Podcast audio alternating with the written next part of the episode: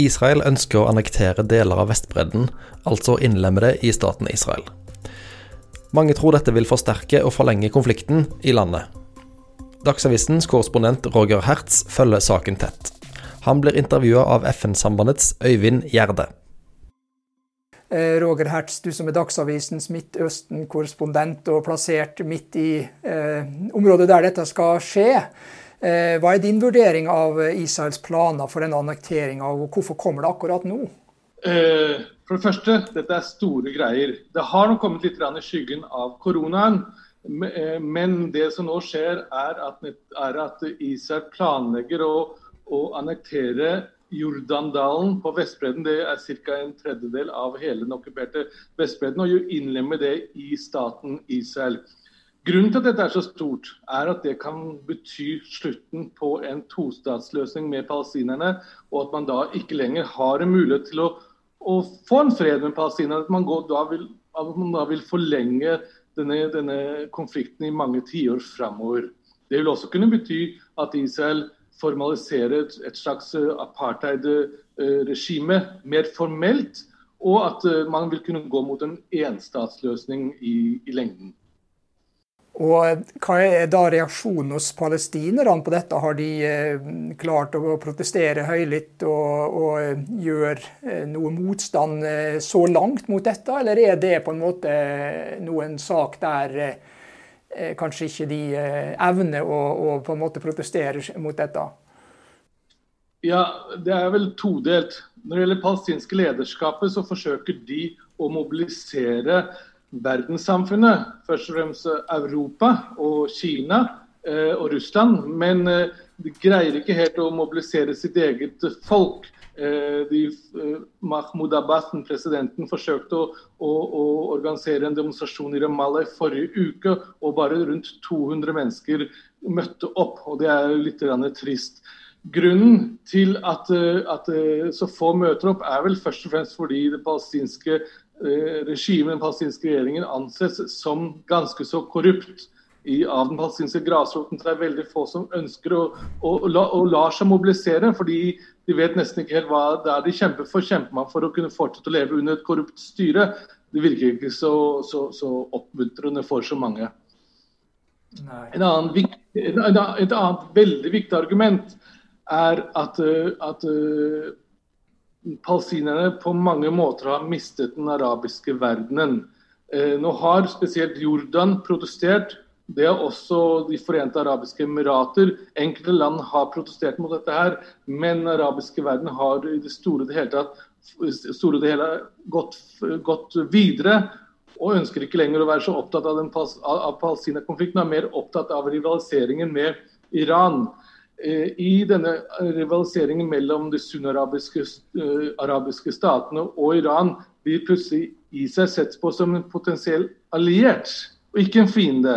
Og Det er da palestinerne kommet til tapende ut av, fordi så, så, veldig veldig få bryr seg om hva som skjer med dem. Egypt f.eks., den arabiske stormakten, har knapt sagt et ord når det gjelder uh, aksjonsplaner.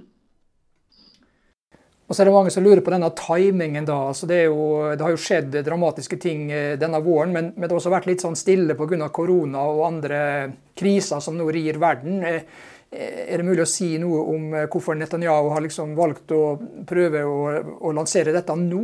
Hvorfor, hvorfor, kommer disse planene nå? Ja, det det er, ikke så vanskelig å forstå hva som skjer. På den ene side så er det, er det er det militærhensyn som spiller inn. De fleste israelske statsministre har sagt at det er viktig å holde, eh, holde eh, Jordanelven som en østre grense av sikkerhetsbehov. I forrige uke hadde jeg en middag med en israelsk general som støtter Netanyahu. Mange av generalene er på venstresiden, men han her støtter Netanyahu. Og Jeg spurte han om dette her med med eh, apartheid osv., så, videre, så sa han at det er ikke det vi kan eh, tenke på nå. Det vi må sørge for, er at vi får, eh, for, for, for, grenser vi vil kunne leve med. Vi må ikke glemme at Israel er et ganske så lite land. fra øst til vest, fra Middelhavet til østgrensene i Tel Aviv-området er det ikke mer enn 18 km. Og mange er redde for, skulle det bli en storkrig, at Israel rett og slett vil kunne bli delt i to. Så det finnes militærhensyn, som, som, som mange israelere tenker på.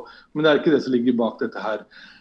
Dette her ble lansert av eh, Israels statsminister Benjamin Netanyahu av én en enkel grunn i håp om å gjøre seg selv uunnværlig for den israelske høyresiden, fordi Netanyahu selv er stilt for retten og risikerer å bli sendt i fengsel i mange år fremover pga. ganske så alvorlige korrupsjonsanklager. Og han håper at ved å gjøre seg selv uunnværlig for den israelske høyresiden, at han da selv vil kunne redde seg fra denne fengselsstraffen. Det er det dette dreier seg om. Og er sikker, Hvorfor er jeg så sikker på dette? her? Hvis dette dreide seg om virkelig militære hensyn, som Netanyahu har sagt at det dreier seg om, så ville han forsøkt å annektere f.eks. grensestripen langs Jordanelven, men det er ikke det han gjør. Han I første omgang nå så skal han annektere en lang rekke, ikke en lang rekke, han skal annektere flere bosetninger som ligger vest for Jordanelven. Og Det etter min mening er et klart eh, eksempel på, et klart tegn til at Netanyahus en, eneste mål er å sørge for at bosetterne og den israelske høyresiden vil stå ham ved. Det er det viktigste for ham. Ja, og det eh, kan vi jo godt eh, skjønne som en politisk strategi. Og så er det jo klart at eh, det, altså USA har jo også en president som har støtta Netanyahu i, i, veldig mye, og denne fredsplanen som USA har laga. Hva slags rolle spiller det tidsvinduet som er knytta til Donald Trumps presidentskap her, tror du? Ja, det spiller absolutt inn. Slik Netanyahu ser det, så har Israel nå et slags politisk vindu, en mulighet til å kunne gjøre dette her han nå gjør, eh, før amerikanerne går inn i, i, i valgkampen, før, før, før, valget i USA i november. Eh, og det som er interessant her er at dette, dette alvorlige skrittet som vil kunne ødelegge fredsprosessen, ødelegge tostatsløsningen, ikke har noe med lokale forhold på bakken å gjøre. Netanyahu gjør det ikke pga. Israels sikkerhet, han gjør det pga. sin egen, sin egen overlevelse for å unngå en fengselsstraff. Og Trump gjør det heller ikke pga. Israel, han gjør det fordi han ønsker støtte fra, fra de kristne evangelistene i USA, som utgjør rundt en tredjedel av hans velgerbase. Så ingen gjør dette pga. verken Israel eller Palestina. Dette gjør det pga. sine egne politiske behov. Og det er jo i seg selv ganske så alvorlig. Eh, nå må vi ikke glemme, På den ene siden så, så, er det da altså et politisk vindu, slik Netanyahu ser det. Men må, også, må, vi heller ikke glemme at det ikke finnes noen kontakter i dag mellom palestinerne og den amerikanske administrasjonen. og Det er selvfølgelig et enormt, enormt tap. Det er alvorlig i seg selv. Og, Hvis nå da Biden skulle vinne valget i høst, eh, tror du at det vil påvirke USAs eh, posisjon mye i forhold til dette spørsmålet eh, om annektering? Jeg vet ikke. Han har, han har sagt at han, til, at han, vil gå tilbake på noen av disse skrittene som, som, Trump tar. Men på den andre siden har han allerede sagt at han ikke vil, vil flytte ambassaden den, den, amerikanske ambassaden i Jerusalem, som ble flyttet dit i 2017, han vil ikke flytte den tilbake til, eh, til eh, Tel Aviv. Så vi forventer å se. Er ikke, eh, Biden er ikke akkurat kritisk til Israel. Han støtter absolutt ikke Netanyahus linje, men det kan også hende at han, vil, at han ikke vil forandre på noe som allerede har skjedd. Det er vel kanskje det vi heller vil forvente at vil skje.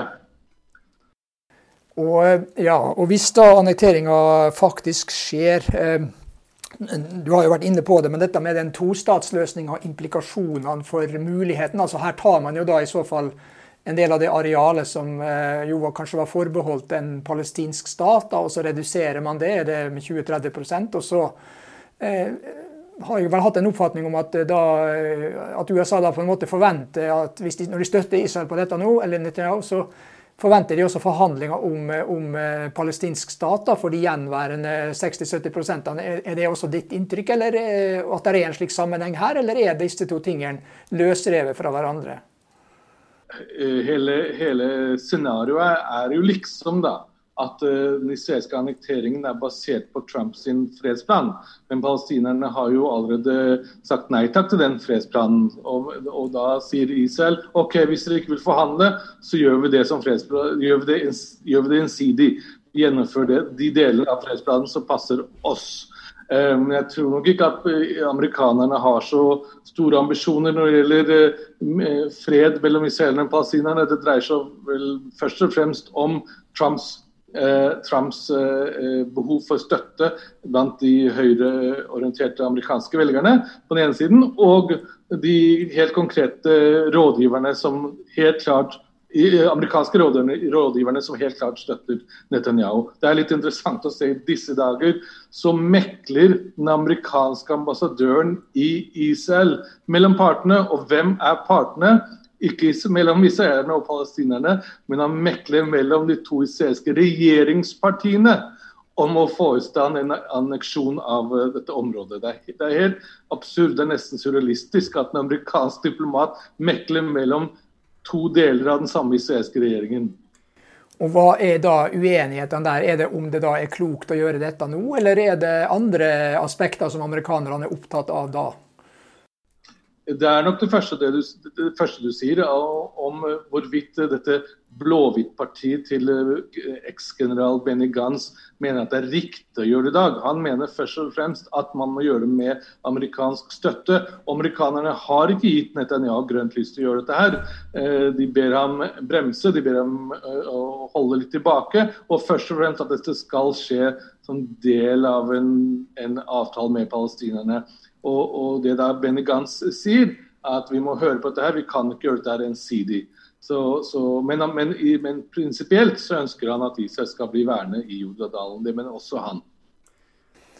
Tror du at en annektering betyr at det må bli et slags sterkere militært nærvær i dette området, som da skal være en del av Israels uh, stat? Altså Det er jo ikke et sammenhengende territorium over til Israel alle plasser her. og det, Jeriko blir jo liggende som en slags sånn øy, har jeg forstått ut fra et kart som eh, ble, ble vist. Uh, Eh, er det noen slags eh, faktor her, at, det, at det vil strekke liksom Israels militære ressurser å måtte passe på dette nye området? Tenker Nei, det er et viktig poeng. Israel, Israel har militære der fra før av. De har baser der nede. Og, og, Det er ikke det det dreier seg om. Det det dreier seg om, er sett med israelske militærstrategers øyne, så dreier det seg om å ha en militær dybde. Dvs. Si, å ikke si være en situasjon i tilfelle det blir krig, at man må forsvare e, e, et land som bare er rundt 18 km i, i, i bredde, i dybde. Det er det det dreier seg om. Men de trenger nok ikke å utplassere flere tropper der nede. Er flere soldater. Det er nok, nok der som det er. Og nå, når det gjelder palestinerne, så er det ikke så at det vil kreve så veldig mye mer å opprettholde en anneksjon enn det er å opprettholde en okkupasjon. Eh, fordi det bor rundt 60 000 palestinere i Jordandalen ut av, ut av en befolkning på rundt 2,7 millioner palestinere på Vestbredden. Så det er ikke en stor befolkning. Det er ikke det dette dreier seg om. Det er ikke så at Israel i så fall vil måtte utplassere masse nye styrker. Det er ikke det det dreier seg om. Men de grensekontrollene, eh, altså vi vet jo hvordan det er på grensa til Gaza. da Vil det kunne liksom kvele den palestinske økonomien i dette området at det blir en slik anneksjon? altså Det er jo eh, ja, det, det, Jf. det vi har sett i Gaza. da.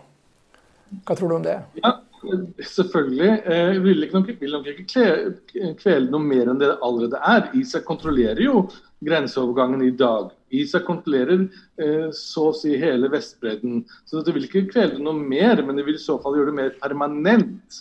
Og det vil føre til at, eh, at palestinerne vil bli avskåret fra den arabiske verdenen rent fysisk.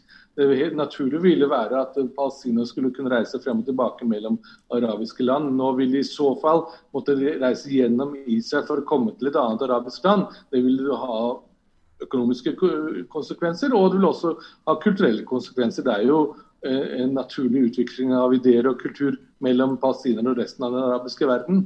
Når det gjelder spørsmålet om sånn statsborgerskap da, for de som bor i dette eventuelt annekterte området, hva, uh, har du noen tanker om uh, hva som kan bli utviklinga der for, for palestinerne? Ja, ja. Den israelske regjeringen har sagt hva den mener. Den har ikke noen planer om å gi palestinerne der israelsk statsborgerskap. Det er, da, det er, da, disse tankene om apartheid kommer inn. At man vil kontrollere et landområde, mens, mens, mens 60 000 av disse menneskene som vil bo, bo i dette området, i den, i den, israelske staten de vil ikke være israelske statsborgere. De vil altså være mennesker formelt sett med, med færre rettigheter. Og Det er derfor man da snakker om at dette blir en formalisering av en apartheid-løsning. Det er ikke noe tvil om det. Vi har jo hørt om tidligere områder der palestinerne dominerer, og, at de ikke får så mye ressurser fra den israelske staten da, når det gjelder utvikling og muligheter til å liksom være en del, ja, til å få infrastruktur og, og sikkerhet osv. Altså, det har vi jo hørt fra andre plasser. Tror du det vil bli påvirka av en sånn beslutning for dette området? Ja. Ikke nødvendigvis noe mer enn det allerede er, men det vil bli permanent. Ikke, som sagt, ISA kontrollerer området som det er, allerede som det er. Men, men du ser jo f.eks. i Gaza. så Gaza har to, grenser til to land, eh, Israel og Egypt. Og, og, Gaza er stort sett isolert fra områdene. Det er veldig lite som går inn og veldig lite som går ut. Og økonomien der ligger i grus. Det israelerne er redde for, er at det samme som skjedde etter en tilbaketrekning i Gaza, vil skje på Vestbredden, og, at det da vil bli langt langt farligere. At f.eks. man, at, at palestinske geriljagrupper vil kunne stå bare rundt eh, 15 km fra Tel Aviv og sende raketter mot Tel Aviv. Det er det de er redde for. At, at hvis, man opp, hvis, man oppgir kontroll over, grensen, over grensen over Jordanelven, så vil våpen bli smuglet inn. Det er det det, det sier israelske generaler, det er ikke noe tvil om det. Det sa også han, han, generalen jeg snakket med i forrige uke. Eh, eh, så, så, det er ikke noe tvil om da at, at palestinerne vil bli mer isolert, sånn som i Gaza, fordi Israel da vil, vil, vil sørge for at in, ikke, ingenting vil komme inn. Nå så jeg noen spekulasjoner om hva en anneksjon kunne bety for den palestinske selvstyremyndigheten. Tror du at den vil kunne bryte sammen på en eller annen måte hvis dette blir iverksatt? Ja, det er, det er jo en trussel. da. Eh, palestinske myndigheter sier jo, har sagt flere ganger at uh, de vurderer å, seg, legge, legge, legge, seg ned eller sende nøkkelen tilbake til Israel og si at fra nå av er det dere som har ansvaret for absolutt alt sammen, inkludert byene Nablus, uh, Ramallah og Hebron. og Fra nå av er det dere som må gi, uh, tilby helse, helsetilbud, skole og alt mulig. og Dette vil da i så fall bli en enorm byrde for Israel, en byrde som Israel for, for øvrig ikke har noen planer om å ta på seg. Eh, men om de, så, om de vil, vil, gjøre det, det tviler jeg litt på. Eh, palestinske ledere har også sine egne interesser. Palestinske ledere har økonomiske interesser å ivareta. Nå må ikke glemme at palestinske presidenten Mahmoud Abbas han ble valgt i 2005, 2005 for en fireårsperiode. Han sitter fremdeles eh, ved makten 21 år senere. Eh, og rundt ham så er det en lang rekke menn som tjener seg veldig rike styr, gjennom, gjennom, sin styring av dette området. her. Sånn, så Jeg tviler på at de vil gjøre det. At de vil eh, eh gi tilbake nøklene. Fordi det har så mye å tjene på å fortsette å styre området. Det, men, dette, men, denne korrupsjonen i seg selv har, har, har gjort at, uh, at uh, Palestina er blitt så svakt. Fordi så få folk er villige til å la seg mobilisere på deres vegne. Er det noen sånn daglig debatt om dette i eh, israelske medier? og Er det sånn at uh, på en måte alle liksom ser fram til denne datoen 1.7 som en slags uh, målsnor der noe må skje, eller er det, er det ikke sånn akkurat sånn som så stemninga er nå? Det er absolutt en debatt, det er ikke noe tvil om det. Og det er veldig mange som advarer om hvor farlig dette vil kunne bli spesielt israelske militærledere og etterretningsledere. Ofte i Israel så er militærlederne og etterretningslederne til venstre for de politiske lederne, og slik er det også i dag. At de fleste er advarer mot dette, mot dette skrittet.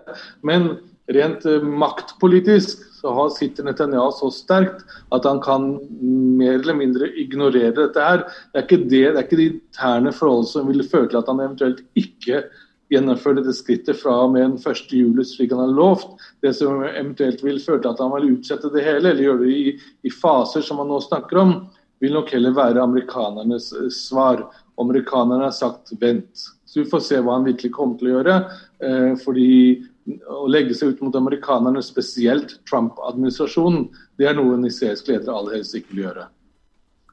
Det videre perspektivet det har det jo vært innom. men eh, Eh, altså Europa har jo liksom eh, kanskje da blitt sett på med viss, eh, et visst håp da, av palestinerne. At når de ikke liksom har noe eh, mulighet til å nå fram med sine interesser i forhold til USA, så har de liksom da sett mot Europa.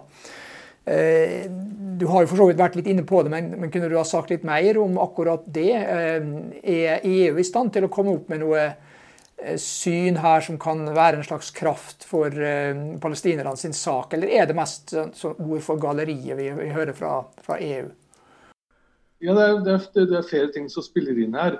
På den ene siden så har jo EU Eh, advart Israel mot dette. her. Den tyske utenriksministeren var akkurat i Israel og advarte om at dette vil kunne gå galt. Eh, I Storbritannia har det vært snakk om, eh, snakk om sanksjoner mot Israel. Men til syvende og sist så er EU en organisasjon som er basert på konsensus. Og Israel har støttespillere i Ungarn og Polen, Tsjekkia og disse statene vil nok mest sannsynlig hindre enhver beslutning om sanksjoner mot, uh, mot Israel. Så jeg vet ikke om så veldig mye vil kunne skje, vil kunne komme fra den parten. Protestene vil nok heller være fra individuelle stater, som f.eks. Norge og da Storbritannia og Tyskland. Jeg så også i en artikkel at noen lurte på hva disse planene kunne bety for altså Israels karakter som, som jødisk og demokratisk stat. altså det er jo to aspekter der. altså Jødisk det ene og det demokratiske det andre. Kunne ha kommentert litt de to dimensjonene der i, forhold til anneksjonsplanene? Ja, det, den tankegangen er basert på demografi. Hvorvidt uh, palestinerne vil utgjøre en så stor del av, uh, av, Israel at Israel ikke lenger vil kunne anses som en jødisk stat. Og, og, og, hvis Israel da ikke lenger vil være en jødisk stat, hva betyr det da for det israelske demokratiet etc. etc. Eh, nå holdes jo selvfølgelig valget i Israel fremdeles, men demokratiet i Israel, uavhengig av alt dette her, demokratiet i Israel er så svekket som det er. Og det er først og fremst et resultat av, av Netanyahu på den ene siden, og i, og i hvilken grad bosetterne har greid å kneble politikken i landet i flere tiår nå. Så jeg vet ikke om det er så veldig relevant å snakke om Israel som en demokrati. Det, er, det, er, det, det spørsmålet har blitt så svekket lenge før det snakket om anneksjon startet. For eksempel, for eksempel kan, eh, eh Netanyahu ville nok ikke ha vært statsminister i Israel hvis ikke det hadde vært for koronakrisen. Netanyahu gjorde noe ingen statsminister tidligere i landet noensinne har gjort.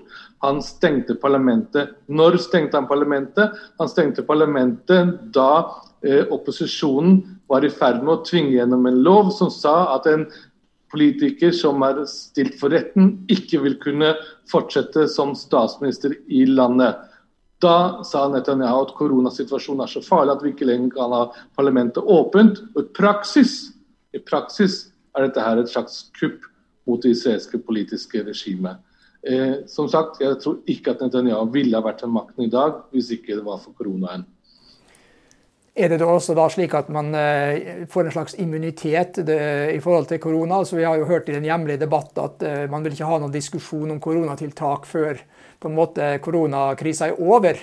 Eh, er det også litt den psykologien som gjør seg gjeldende der nede? At, at, da får man et slags rom for å gjøre ting, og så kan man på en måte si at vi, i en sånn krise så må vi stå samla, og så får vi heller se etterpå eh, og diskutere om det var nå, nå, nå, må man nesten si det er ikke noe tvil om at Netanyahu styrte bra gjennom koronakrisen. Eh, Norge, Norge, Israel har en befolkning på, på dobbelt av Norges, og man har ca. det samme absolutte antallet døde i, i, i, i, de to landene. Så, så Netanyahu har gjort det bra under koronakrisen i forhold til smittespredningen. Det er det ikke noe tvil om. Eh, det har vært masse kritikk mot eh, Netanyahus styre, men Netanyahu har styrket seg pga. dette med koronaen. Og det, det, dreier, det man snakker om nå, det man snakker om nå er at Netanyahu vil, vil bruke denne nye støtten til å skrive ut nok et nyvalg, et fjerde valg på litt over et år. Nok et nyvalg for å kunne få et parlament som vil være langt mer Eh, eh, vil støtte Netanyahu i langt større grad enn det han har i dag. Så nå har man begynt å snakke om et fjerde valg i Israel allerede. Ganske utrolig. Ja, det, det, høres veldig utrolig ut etter alt det det har vært gjennom eh, med de andre valgomgangene. Men eh, kan det skje allerede i, i 2020? I så fall? Man snakker, det man snakker om, det man begynte å snakke om eh, bare for noen dager siden, var at eh, nye statsbudsjettet må igjennom i løpet av august måned. Og at man da ville skape kriser, kunstige kriser rundt, rundt budsjettforhandlingene for å kunne si nei, dette vil ikke gå lenger, vi har ikke noe valg, vi er nødt til å gå mot nyvalg. Det er det, det, er det, det, man, er det mange Likud-politikere nå hinter om. Eh, det er det aller, aller siste, at man snakker om at alt vil bryte sammen igjen allerede i august, og at det da vil bli skrevet ut nyvalg. Det, det, det er helt utrolig. Ja, det høres eh, utrolig ut. Eh, vil folk orke å engasjere seg en gang til da, i et sånt valg, tror du? Og møte opp og bruke stemmeretten nok en gang? Jeg har lurt lenge på hva det er som får folk til å støtte Netanyahu. Fordi han er absolutt udemokratisk. Han undergraver demokratiet. Og det jeg tror gjør at folk støtter ham, er fordi mange israeleres økonomi har blitt mye mye bedre i de årene under hans styre. Mange har fått det verre, men tilstrekkelig mange mennesker har fått det bedre. Det er det ene. Og det andre er at han har greid å holde Israel unna unna krisen rundt den arabiske våren. Må ikke glemme at bare, bare nordøst for Israel, ved Israels grense, pågår det en forferdelig krig med over 700 000 drepte i Syria. Man har kriser i praktisk talt hele arabiske verdenen, mens Israel har stått tilbake som en slags stabil øy. Og Det er mange israelere tilfreds over. Så, så er nok det som fører til at mange israelere vil fortsette å støtte Netanyahu, til tross for hans korrupsjonsanklager og til tross for at han sakte, men sikkert undergraver demokratiet i håp om å redde seg selv fra en fengselsstraff. Ja, Det blir spennende å se da, for oss som følger med og som er interessert i uh, Midtøsten. Uh, vi, nærme, vi, nærmer oss slutten på denne sendinga, så er det noe annet du ville føye til sånn helt avslutningsvis, før vi runder av? Ja, det, vi, vi, ser, vi, ser, triste tendenser i Midtøsten. Eh, mens man sier, et, etter, den arabiske, etter, den arabiske, våren snakket om og håpet på at demokrati, demokratiprosesser ville overta, ser man nå isteden det motsatte. Ikke bare i Israel. Israel er jo ikke del av den arabiske våren, men, ikke, men også resten av Midtøsten ser man veldig triste prosesser. Russland, Iran, Eh, styrker seg, Saudi-Arabia styrker seg. Dette, nå, nå, har man en, en, enorm maktkamp på kryss og tvers av hele Midtøsten mellom stater som i bunn og grunn er udemokratiske og ønsker å opprettholde en udemokratisk eh, eh, eh hverdag, en udemokratisk virkelighet. Og det, og det, er absolutt trist. Det er det alt dreier seg om i Midtøsten nå. Om denne nye dagsordenen for Midtøsten, som først og fremst er en rivalisering mellom Saudi-Arabia og Iran. Eh, det skal bli veldig spennende å følge med på både det som skjer der, og ikke minst i Israel. Om vi da våkner den 1.7 juli til en ny virkelighet, det får vi jo se. Eh, tusen takk til deg, Roger Hertz, for disse kommentarene og innspillene på et tema som også opptar oss her hjemme i, i Norge. da. Vi har jo fått med oss disse planene. Det står skrevet om de i norske aviser også, og mange lurer jo på hva dette her betyr. Og her har vi jo da fått mange Eh, gode eh, blikk på hva som foregår, og fra en som da er midt oppi dette her. Så tusen takk.